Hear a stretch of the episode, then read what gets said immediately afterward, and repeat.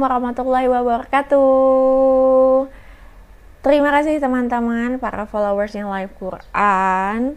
Akhirnya finally kita Live Quran punya juga channel podcast di Ramadan ini. Yeay.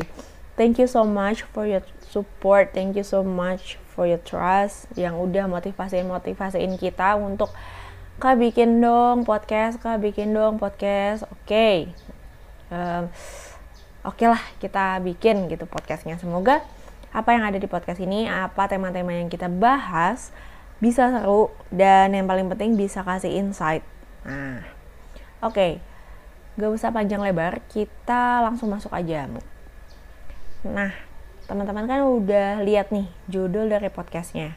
Yes, kita mau highlight banget satu tema, satu keyword yang hmm, I can say ini tuh lagi tren banget ya for us millennials.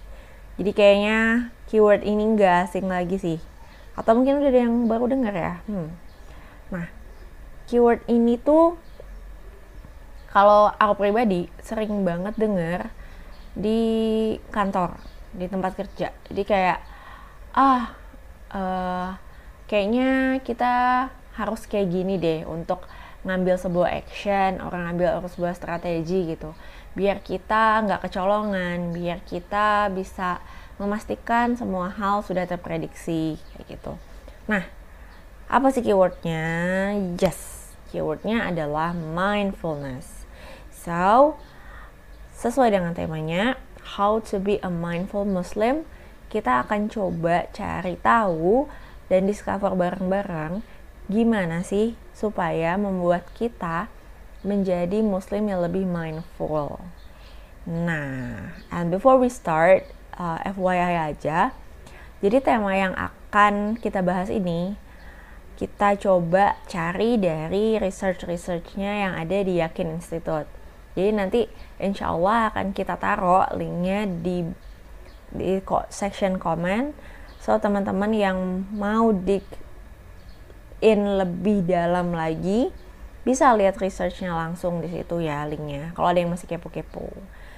Nah um, second FYI jadi yakin institut ini apa sih? Jadi kita rekomend banget teman-teman yang suka misalnya um, research freak nih kayak kita. Jadi kita suka ngebaca um, beberapa paper-paper dari scholar-scholar yang ngeluarin research tentang populer Islamic topic. Nah, di Yakin Institute ini banyak banget hasil researchnya yang benar-benar in line sama our daily basis gitu loh. Jadi kayak hal-hal yang kekinian, hal-hal yang up to date atau hal-hal yang sedang simpang siur di masyarakat muslim itu tuh ada. Nah, termasuk yang mindful ini kan seru banget dong. Nah, jadi teman-teman bisa baca untuk yang suka nggak baca research paper.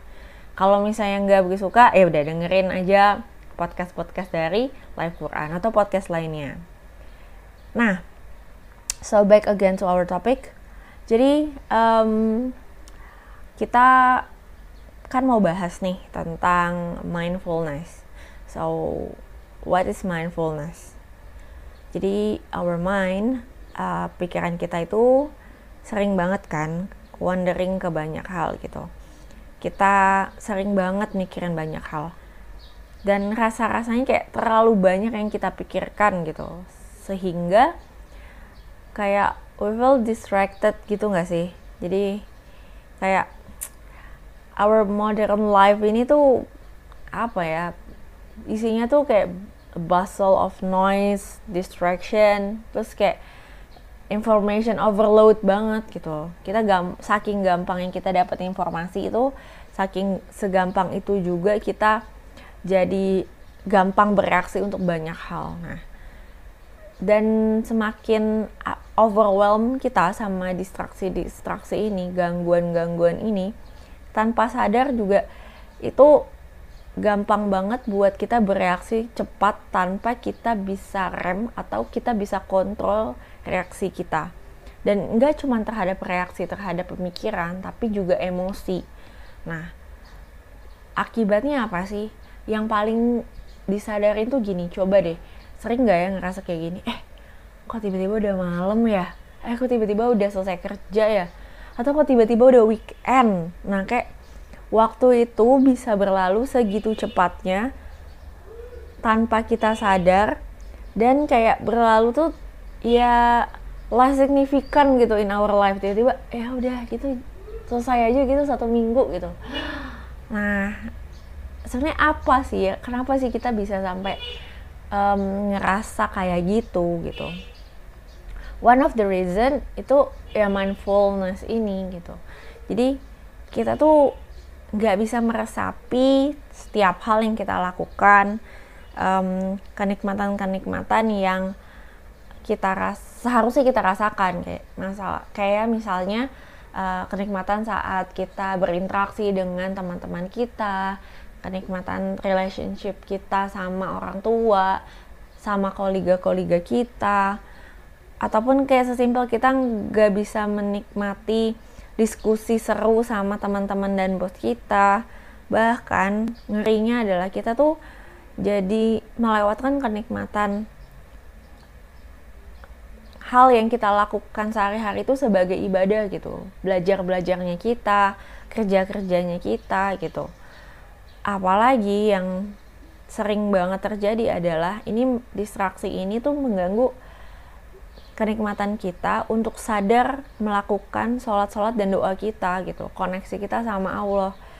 Seolah-olah tuh semua ya sama aja. Jadi hal-hal yang berlalu begitu saja dan gak kerasa gitu. Nah kalau kita udah aware ah ya bener tuh bener tuh. So uh, bear in mind kita harus mindful banget nih gitu dalam menjalani hal-hal yang kita jalani dalam hidup. Nah sebenarnya gini teman-teman. Mindfulness itu hal yang perlu dilatih gitu loh. It's not given only to certain people it's trained gitu. Jadi ini hal yang kita bisa trainingin kita ini kita, hal yang kita bisa latih buat diri kita sendiri. Nah tapi gimana sih cara latihnya? Oke okay, kita perhatiin dulu nih sebenarnya mindfulness ini secara harfiah apa sih? Jadi mindfulness itself is a mental state of self-awareness achieved by focusing on the present Yap, jadi mental state. Mindfulness itu adalah mental state dari self awareness dengan cara atau kita achieve self awareness ini dengan fokus sama present, sama sekarang, sama hal-hal yang kita sedang lakukan. Berarti kalau kita bisa fokus dan kita bisa meresapi sama hal yang kita lakukan, itu akan bangkitin self awareness kita. Dan kalau kita udah punya state self awareness itu so itulah mindful.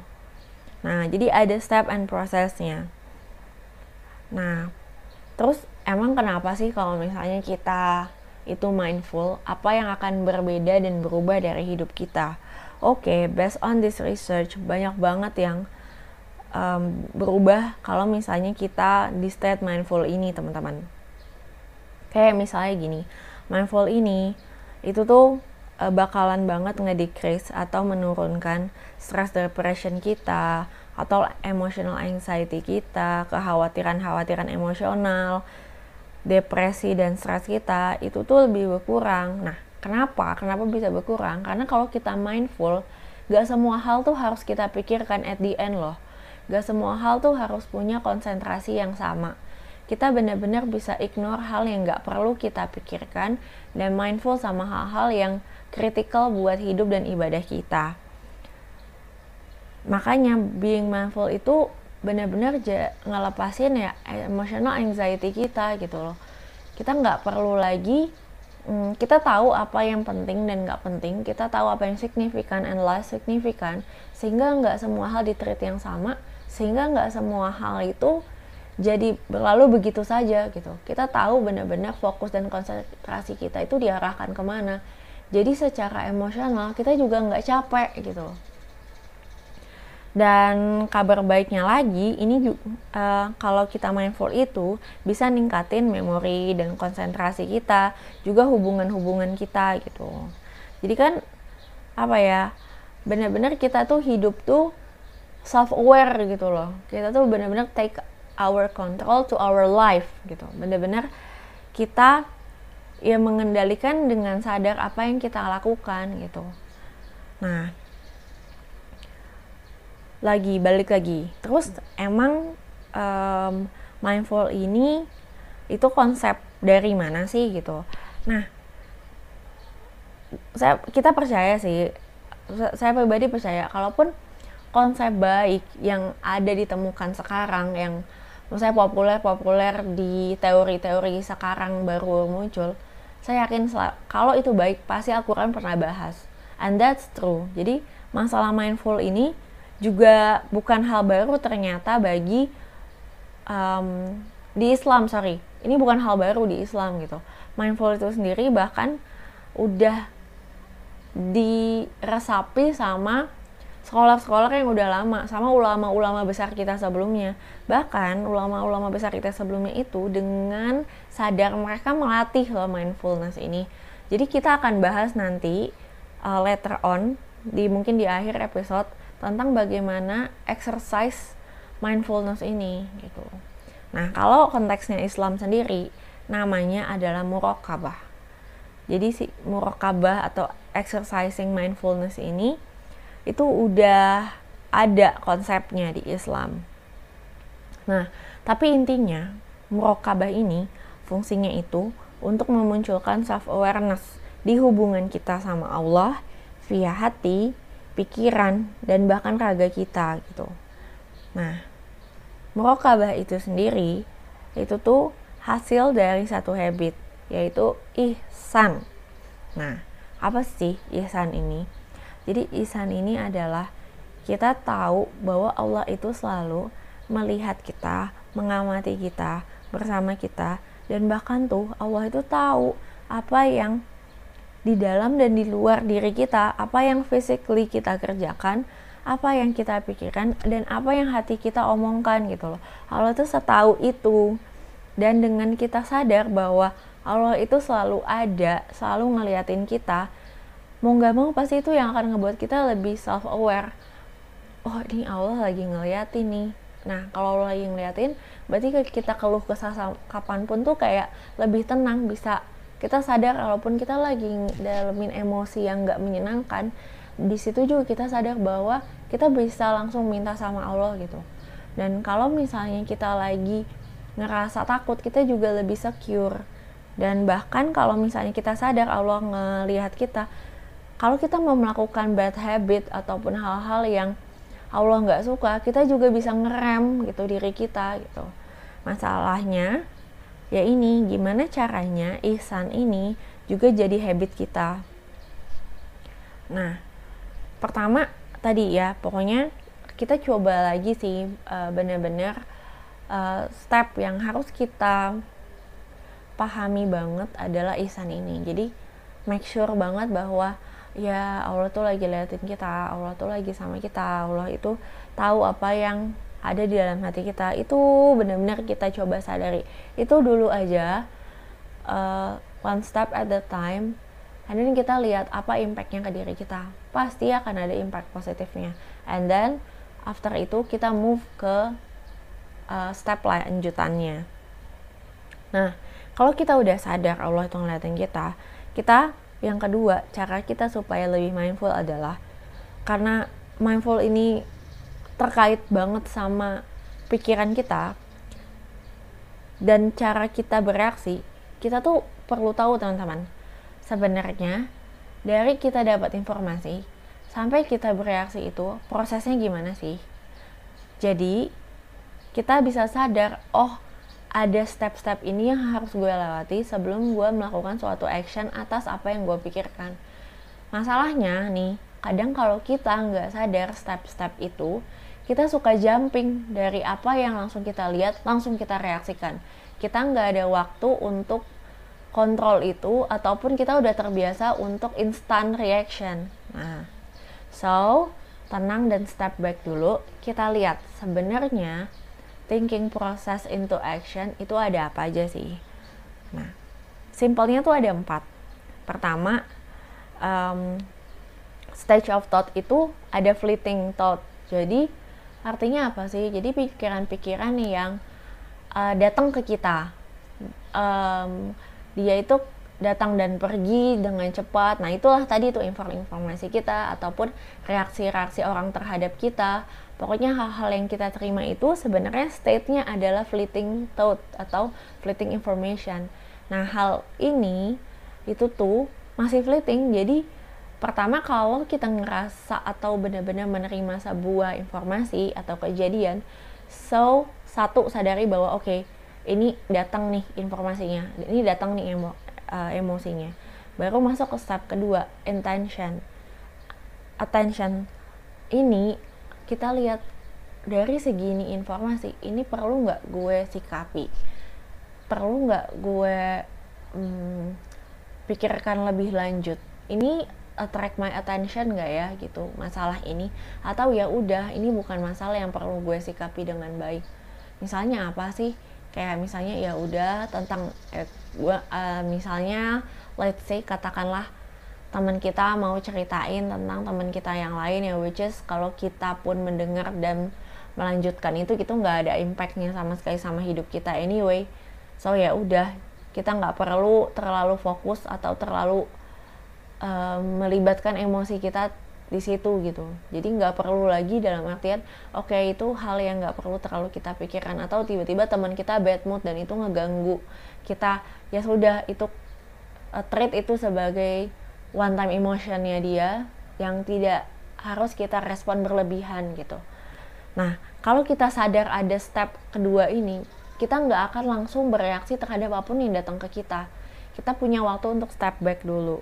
Dan yang ketiga convince ourselves kayak kita benar-benar yakin nggak ini hal penting dan signifikan buat kita sehingga kita harus fokus dan bereaksi terhadap hal ini.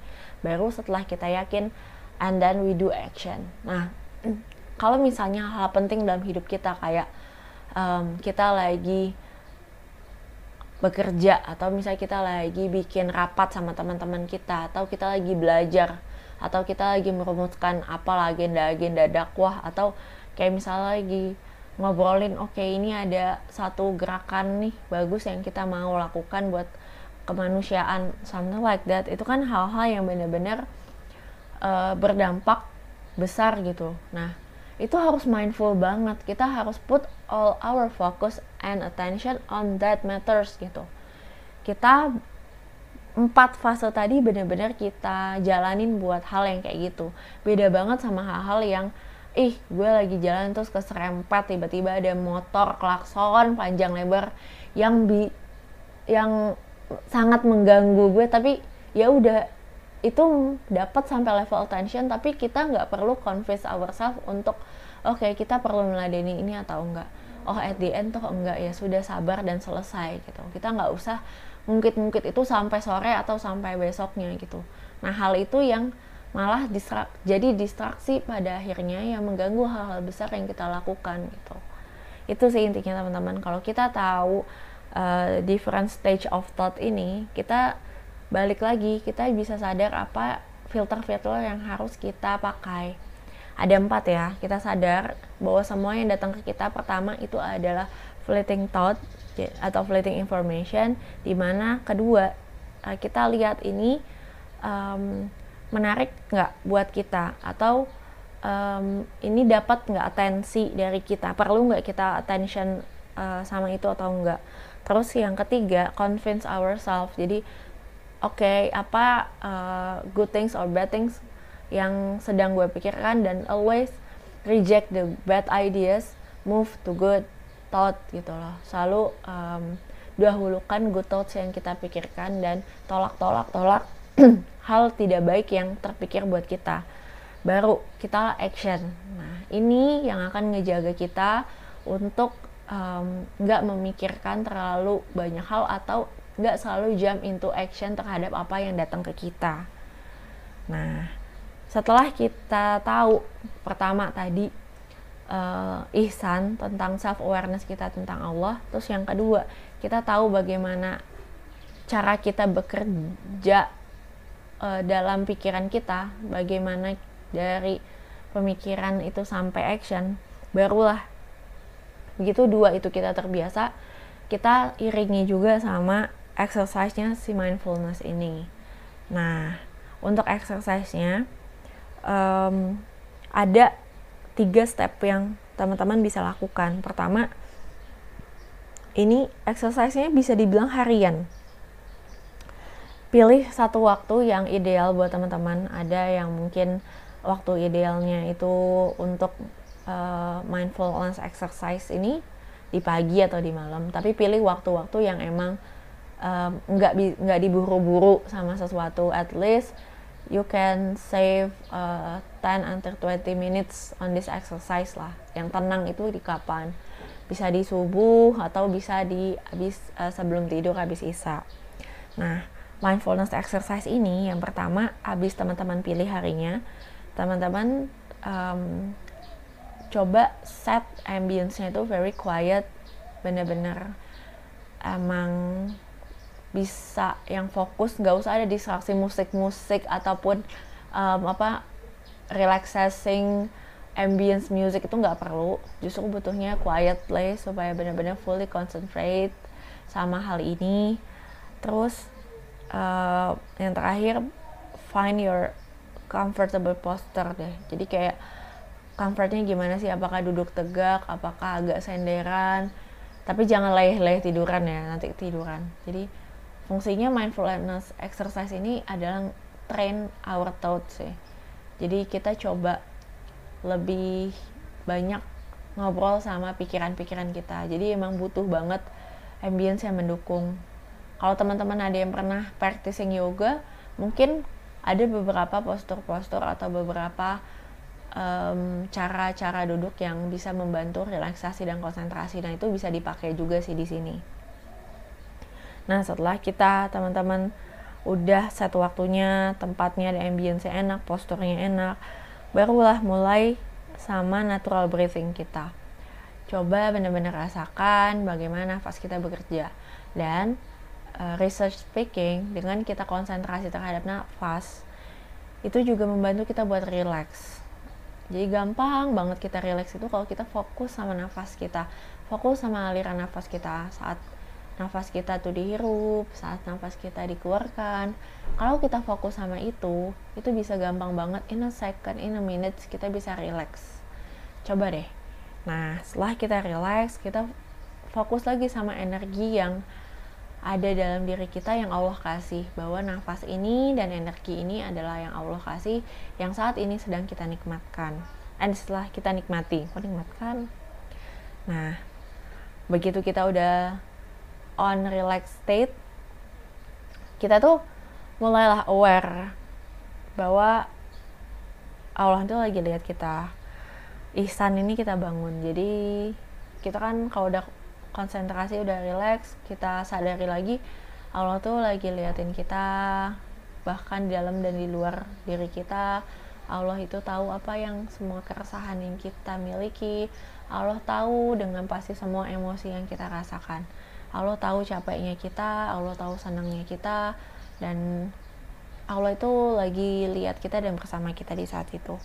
Nah biasanya kalau kita lagi fokus itu pasti aja ada gangguan nih kayak tiba-tiba inner dialog kita muncul atau ah tiba-tiba keinget kerjaan X, tiba-tiba inget kunci mobil di mana, tiba-tiba inget uh, ada yang belum dihubungin atau ada aja. Nah, coba yang kayak gitu di silence dulu balik lagi ke fokus ke presence Allah dalam uh, momen itu jadi balikin lagi ke situ dan cara balikin yang paling gampang adalah dengan zikir.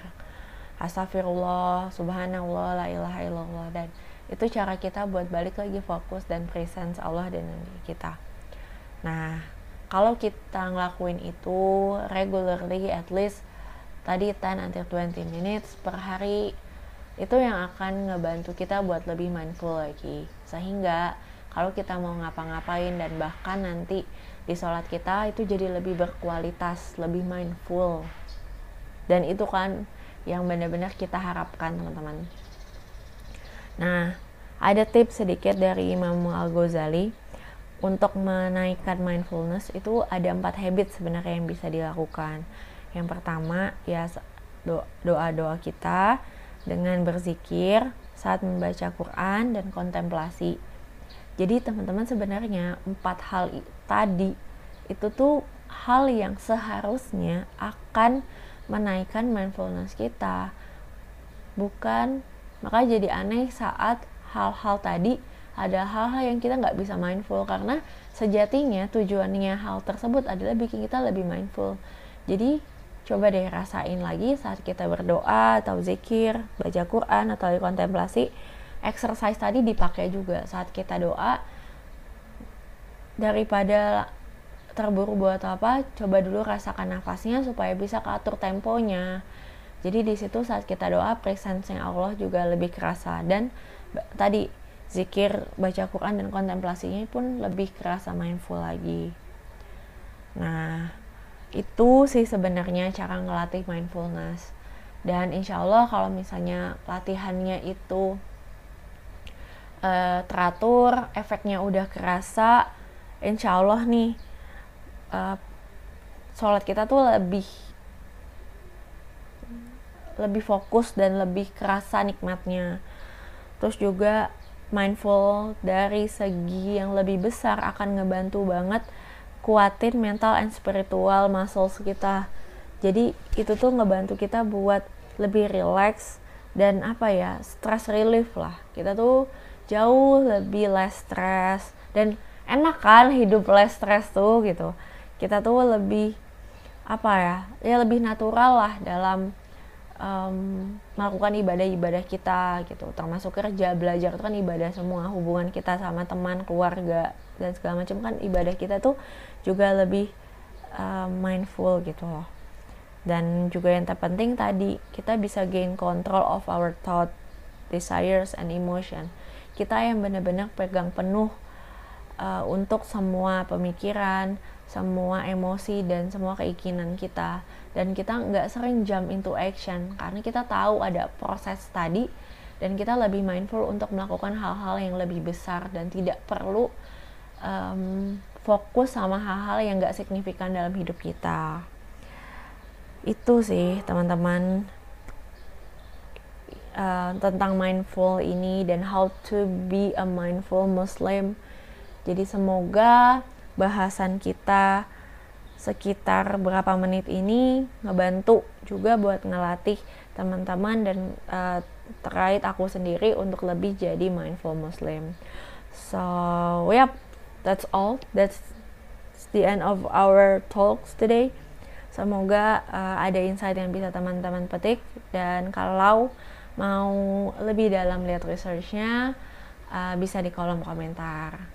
Okay, so thank you for listening us. Uh, wassalamualaikum warahmatullahi wabarakatuh. See you next time.